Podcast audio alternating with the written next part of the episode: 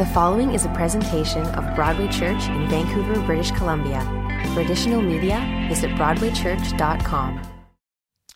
So, um, for the next three weeks, I'm going to be talking about in this class taking the law to heart. Okay? Now, I don't know what you think of when you hear a title like that, Taking the Law to Heart. But uh, for some of us, if you've not read a lot of the Bible, when you think about the law, you might think about, you know, flashing red lights being pulled over on the number one. We know when we get a speeding ticket that the law has run its course. So for some people, when they think of the law, they think of the civ- uh, a civic law. Uh, but for those of us who have read the scriptures, uh, we sometimes sort of say, well, we know what you're talking about, Pastor Mick. It's law and grace, right? We're no longer under the law, we're under grace, right? Jesus, kind of, when he came, he slammed the door in the Old Testament, locked it, and said, do not enter. So we don't even worry about the first two parts of the Bible anymore, the first two thirds, because we now live in the age of grace, which, of course, is what the New Testament is all about. Well, neither one of those actually matches what the Bible itself says about the law. And so, what I want to do is I want to do what Jesus does next in the Sermon on the Mount. And that is he talks about what does it mean to take the law to heart. Okay. Now, let's just kind of, you know, uh, go back into the Old Testament. And I want to kind of get us to revisit a special moment in Israel's history. The people of Israel have represented God, they have been his covenant people. Their whole way of life that was directed by the law, that was kind of the defining factor in all of Israel's civic and spiritual uh, life, um, it had all come tumbling down. And so at the time that Jeremiah the prophet comes on the scene, God basically says to Jeremiah, Do not pray for the deliverance of Israel. The chickens have come home to roost, judgment has come uh, first Israel and then Judah have gone into captivity to the Assyrians and the Babylonians. And so Jeremiah is there to kind of superintend sort of the, the wrap up of Judah as a nation, as a separate nation. And in the middle of all of that um, challenge, in the middle of all of that heartbreak, in the view of just kind of the unfolding of everything that they had come to understand about themselves as God's people, Jeremiah prophesies this, and this is important because more than one New Testament writer is going to pick this up. We'll hear echoes of this in the New Testament. For this is the covenant that I will make with the house of Israel after those days, after the time of judgment is complete. In those last days, declares the Lord. I will put my law within them, and I will write it on their hearts, and I will be their God, and they will be my people. I will put my law within them, and I will write it on their hearts, and I will be their God, and they shall be my people. Now, up until this point, the only type of law that the people of Israel would have understood was the law that was written on granite stones that Moses brought down from Sinai, the Ten Commandments, and then all of the things that kind of spun out around that. But Jeremiah is talking about something quite different from anything that they had experienced. There's going to come a time, Jeremiah said, on the other side of this calamity, God's not finished with his people yet. He's got plans. There's going to come a day when God is going to put his law on their hearts. It's going to be a whole different thing from anything they've ever known. And so uh, in Romans, Paul picks up on this. And he says, For when the Gentiles who do not have the law, by nature do what the law requires, they are a law to themselves, even though they don't have the law. They show that the work of the law is written on their hearts. Hello? Paul's picking up this echo. While their consciences also bears witness, and their conflicting thoughts accuse or excuse them on that day when, according to my gospel, God judges the secrets of men according to Christ Jesus. Nicky Gumbel, in his book Jesus Lifestyle, and by the way, we have several copies in um, our bookstore. If you want to pick up some reading on the Sermon on the Mount, you can pick up the Jesus Lifestyle. He says Jesus' teaching in the Sermon on the Mount presents a challenge to our lifestyle in the West. However, it also offers an alternative lifestyle. We are asked to develop a Christian lifestyle. The question often asked by our culture is not so much is Christianity true, but is it real? Does it actually work? The world is watching. This is the challenge set before us. Nicky Gumbel from the Jesus Lifestyle. Now, what we've learned so far in the first two segments of this course is that in the Sermon on the Mount, Jesus is describing a new humanity of which he is the prototype. He's describing a new humanity, what it looks like a humanity obedient to the will of God, and how the kingdom life that flows out of that looks like in practice here and now. And so you're probably saying, why is it that we're going to be talking about the law for the next three weeks? Well, the answer is simple. We're going to be talking about the law because that's what Jesus talked about next in the Sermon on the Mount. In fact, the whole rest of chapter 5 is Jesus talking about the law. So, what did he have to say about it? Well, let's dig in. This is um, Matthew chapter 5, verses uh, 17 to 20. So uh, I've kind of put the full text of uh, the scriptures there on the sheet. And I always sort of say, you know, try to learn how to read your Bible with a highlighter or a pencil or something like that, so that as you're reading, you can interact with the text, circle the words that are important, underline the phrases that catch your attention. It's just a way of, you know, listening with a, with a sharper ear. So this is Jesus speaking, okay? So he has uh, talked about the people whose hearts towards God and hearts towards others makes them, you know, makes them uh, effective, has salt and light in the world. And so he kind of comes to the issue of the law. It's kind of like the elephant in the room, so he tackles it head on. He says, Do not think that I have come to abolish the law and the prophets. I have not come to abolish them, but to fulfill them. And I tell you the truth until heaven and earth disappear, not the smallest letter, not the least stroke of a pen, will by any means disappear from the law until everything is accomplished. Anyone who breaks one of the least of these commandments and teaches others to do the same will be called least in the kingdom of heaven, but whoever practices and teaches these commands will be called great in the kingdom of heaven. For I tell you that unless your righteousness surpasses that of the scribes and the Pharisees and the teachers of the law, you will certainly not enter the kingdom of heaven. Now, this kind of sounds pretty dramatic to us today. It would have been even more dramatic to Jesus' original audience. Because this is a very significant passage. It's not the easiest passage to get through, by the way.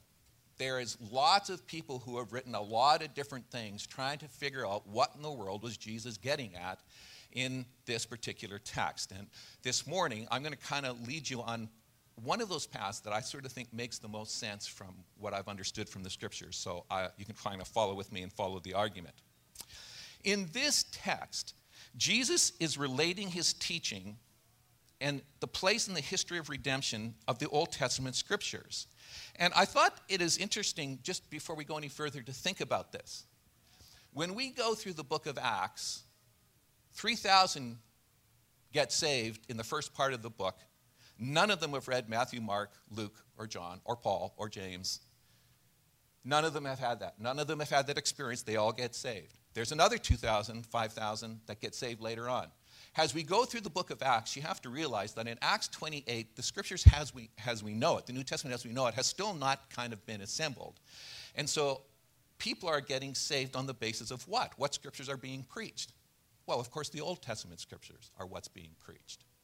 That was Jesus' Bible. That was the Bible for the early church. And I just say that to get a little bit of love, a little bit of respect for the Old Testament, okay? There's something there that we need to benefit from. So Jesus is talking here about the idea of the law has the specific commands that God gave to regulate their whole lives to his people, their moral, religious, social, and political life. Specifically, he's referencing the commands handed down to Moses. Up to this point, um, uh, in the Sermon on the Kingdom, the law has not come up. But the obvious next issue to a people who have defined themselves by their interaction with the Mosaic law is what place, if any, the law still plays in this new culture culture that Jesus is talking about here in the Sermon on the Mount. Um, biblical scholar Mark McKnight suggests that this passage, this one we just read, might be the most significant passage on how to read the Bible in the Bible. There are other scriptures that talk about reading the Bible, but this one is really important. It's pivotal. The whole of the Testament finds its interpretive center and destination in Jesus as the Messiah. Keep that in mind. Here's the flow of Jesus' argument. Everything pivots here on the Greek word pleroo, or fulfill, pleroo, or fulfill. And so in verse 17, Jesus says, I have not come to abolish the law, but to fulfill it. Okay? And then in verse 18, he says, Everything in the Torah, as I teach it, is true. And in verse 19, he says, These are still meant to be observed. And he says, not only are they to be observed, your obedience needs to surpass that of the experts. Whoa. Jesus does not write off the law, he raises the bar. He raises the bar. He says it's not just the law the way you think of it, it is more than that. And so Jesus is going to go on for the rest of chapter 5 to sort of explain well, what does this mean? What does this mean that the ante has been raised, that the bar has been raised? And who is Jesus to be making this statement anyway? Of all the different things that I have read about what this means, that Jesus fulfills the law, I think maybe the best uh, interpretation of these challenging passages is to say that Jesus fulfills the law and the prophets in that they always pointed to him. And he is their fulfillment. He is the one human being that has ever walked the face of the earth who totally got the law and lived it out the way it should be lived out. But it's not because somehow he kind of earned his way by the law. It's just that he was what the law was pointing to. What he came to do as the Messiah, that was the destination. That was the whole point. And so Jesus is the fulfillment of the law. The question is not how Jesus is related to the law, but rather how it relates to him. Jesus is the authority on the law, what it means, how it works. And that's what Jesus is saying here. You have understood the law in one way, but I am here as what the law was all about, I'm here as not only the practitioner and the exemplar, I'm here as the authority on the law. And let me tell you how it works. What Jesus does not say is that the law no longer matters or that it needs some kind of embellishment. Uh, to the contrary, Jesus affirms the value of the law in this text and raises the bar. So the law has its place not as an external code anymore, but as a truth that penetrates to the innermost recesses of our being searching out our secret thoughts and plans. So Jesus did not write off the law. So on your sheet, if you're following through, and by the way, uh, I have put a little bit of an answer key uh, at the bottom just to kind of help you along, you know, because I'm a notorious blank skipper. So, just to kind of help you along, uh, I put an answer key, and basically the words that go in the blanks appear in the order that they appear. Okay, good? You all good? Okay. Jesus said he did not come to abolish the law, that's to fill it. That's the first step he makes. That's probably, you know, um, uh, the big rock that gets dropped in the pond. That's huge. Number two, the contrast in these verses is not only between the things said, but between the people that say them. Okay, that's what goes in the blank. I'm going to unfold that in a second. The contrast in these verses is not only between the things said, but between the people that say them. Jesus contrasts what has been said by others about the law with what he is going to say about the law. Jesus is not, number three, placing his teaching against that of the Old Testament. That is not happening here. Okay? Jesus here is giving a thoroughly heart searching exposition of the law. And the real contrast here is between the meaning of the law according to Jesus and the meaning of the law according to the religious tradition and ancient teachers of the time. So that's the dynamics of what's taking place, as nearly as I can understand it, what's taking place in this particular passage. And so, in doing this, uh, Jesus does a number of things, and um, just kind of follow with me. Um, number one, Jesus affirms the continuing validity of the law. Now, keep in mind, the law does several things, okay? And I'm just going to quickly go through them. Uh, if you're wanting scripture verses to support these things, I'm glad to provide them. But I just want to kind of get, give, you, give you the bird's eye view, kind of get the idea of how the law functions. Number one, the law revealed the holiness of God. That was the whole point of the law in the first place, so that people would understand uh, that God was holy. Number two, the law also re- uh, revealed the sinfulness of man. Paul kind of picks up in this Galatians. You know, we wouldn't have known what sin is, but the law has now made it clear to us where we've crossed the line. It's, it's made the lines clear.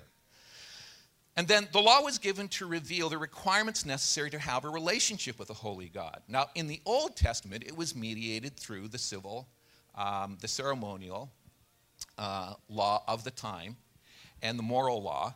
And so basically, the law was a guideline, but it was kind of an external guideline. It was kind of like, you know, I was visiting somebody's house one day and I noticed that in their kitchen it has like the 10 rules of our house, you know, you got to show courtesy. You know, have you, does anybody have that in their house? You know, one of those things that this is the house rules, as it were? Nobody? Nobody's got any house rules? Great, I can come over and do whatever I want then when I come to your house. That's terrific. But the law was kind of like, you know, the house rules for the people of Israel. It, it kind of showed them here's the bar, here's what you need to, to cross. The law was given to act as a guide until Christ came. That's what Paul says in Galatians. And so there is this sense, as we look back at it from the uh, um, perspective of the New Testament, that the law was always meant to be tentative, temporary. It was just marking the place until Jesus Christ came. The law was given to be a covenant principle that made the possible the establishment of the nation of Israel. And the law was given to distinguish Israel from other nations and the faith and obedience required to make known God in the world. The law was given to make provision for the forgiveness of sin and the restoration of fellowship when people kind of got off track. How do they get back in sync with God? How do they get back in relationship with God? It was provided to provide for the redeemed people how they could live for God. It was a test to determine whether or not one was a citizen of God's kingdom. But the law was given to reveal Christ. And this is very much in Jesus' mind. And so Jesus is saying the law has sort of not somehow or another become useless, it's valuable. He affirms the validity of it. And then he kind of brings it into the present. Jesus is teaching here in this text that if we really want to know what the law means, we must look at Jesus and what he does because he fulfills or accomplishes the law. He's the model and the authority when it comes to the law. That's why he's got the ability to speak about it. Do you remember those passages in the scripture where it says, Whoa, people listen to Jesus and they said, Whoa, this guy is not talking like the scribes and the Pharisees. Remember? He's talking with somebody who's got authority. Okay? Well, now you know where that authority comes from. He has come, He has fulfilled the law. And, um, and so he fulfills the law in his doctrine, his teaching, brings out its true colors. He fulfills the law in his deeds and lifestyle. He came to do God's will. That was his number one reason for being on earth. He fulfills the law in his death. He bears the, sin, uh, uh, the penalty of law breaking and makes it possible for us to come to know him. Now, with Jesus' death, certain aspects of the law were fulfilled in order to be let go. For instance, when Jesus died on the cross, that was the sacrifice. That was the penultimate sacrifice that the whole sacrificial system pointed to. It no longer needed to be continued. In fact, hadn't been continued probably, you know, seriously and, and on a long-term basis since the, uh, Judah went into exile. So there was no need for the ceremonial law. It was only meant to last until Jesus came. And then there were certain aspects of the law, as you read the Old Testament, that referred to the nation of Israel, particular, the government of Israel, uh, but are no longer relevant as that now no longer uh, exists as well, the Old Testament nation of Israel. So, um, so Jesus fulfills the law in his death, and he fulfills the law in his disciples. He put his law on the hearts of his followers. Um, we read in the scriptures that if we walk by the Spirit, we'll not fulfill the desires of the flesh. Um, we will delight in doing God's will and keeping his commands. Love means fulfilling the law, and this is how Jesus described it, okay? If you love me, you will obey what I command. If you obey my commandments, you will abide in my love. We know that we have come to know God if we obey his commands. Those who keep his commands live in him, and he lives in them. Love for God means keeping his commands. This is John, the beloved disciple, in his gospel and letters, kind of unfolding this whole notion of command. And so uh, I caught this quote. I apologize for not getting the author, but it goes something like this Christ's commandment contains the law, but the law does not contain Christ's commandment. Therefore, whoever fulfills the commandments of Christ implicitly fulfills the commandments of the law. In other words, as we follow Jesus, as we walk in his footsteps, as we associate ourselves with him, this law is, according to Jeremiah, written on our hearts. Paul says it's written on our hearts. We no longer have this external set of demands pressing down on us and everybody kind of watching to see whether or not we're checking off the list of all the things we're supposed to do. No, he says now this is written on our hearts. And as we follow Jesus Christ, we now do God's will freely, you know, with a whole heart because we belong to Him and we love Him. And that's why Jesus says, If you love me, you'll keep my commands. If you keep my commands, I'll live in you and, and you'll live in me. And so Jesus is using the commandment language simply to help us understand that there is a difference in the way the law works now. Now the law is internalized, it's not external, it's now internalized. And so the law pointed forward all the time to Jesus, his activity and his teaching. And we kind of get in step with the law when we get in step with Jesus, who is the authority, the practitioner, the exemplar of the law. But make no mistake, um, the law is meant to be practiced, and Jesus is going to unfold that now using some examples from the Decalogue in just a few moments. Our attitude to the law of God is an index to our attitude to God Himself. Our obedience is a test of our citizenship in the kingdom of God. So let me just kind of read a few scriptures from Paul that kind of just underline that thought. So this is Paul talking in Romans. So what shall we say then? Is the law sin? Certainly not. Indeed, I would not have known what sin was except through the law. So then the law is holy, and the commandment is holy, righteous, and good. I know that the law is spiritual, but I am unspiritual, sold as a slave to sin. Later on in Romans, he writes, Do we overthrow the law by this faith? By no means. On the contrary, we uphold the law. Uh, in, to Timothy, he says, We know that the law is good if the one uses it properly. Well, what in the world does that mean? We'll talk about that in a second. So, whether we keep it or break it, whether we encourage others to break it or keep it, it's an indication of where we are spiritually. That's what Jesus said. You know, the person who ignores this law and teaches other people to do the same will be considered the least in the kingdom of God, and people who kind of adhere to it uh, will be called great.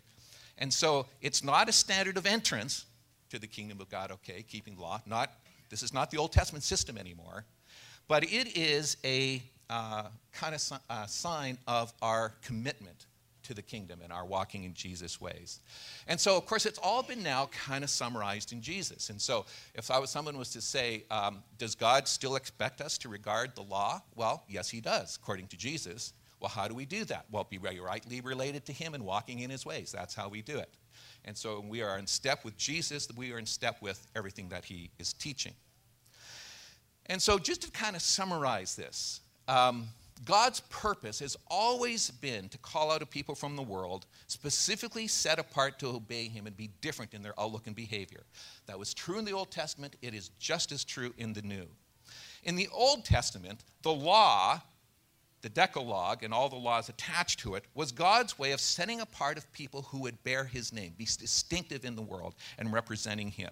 A people who were under His government or under His rule.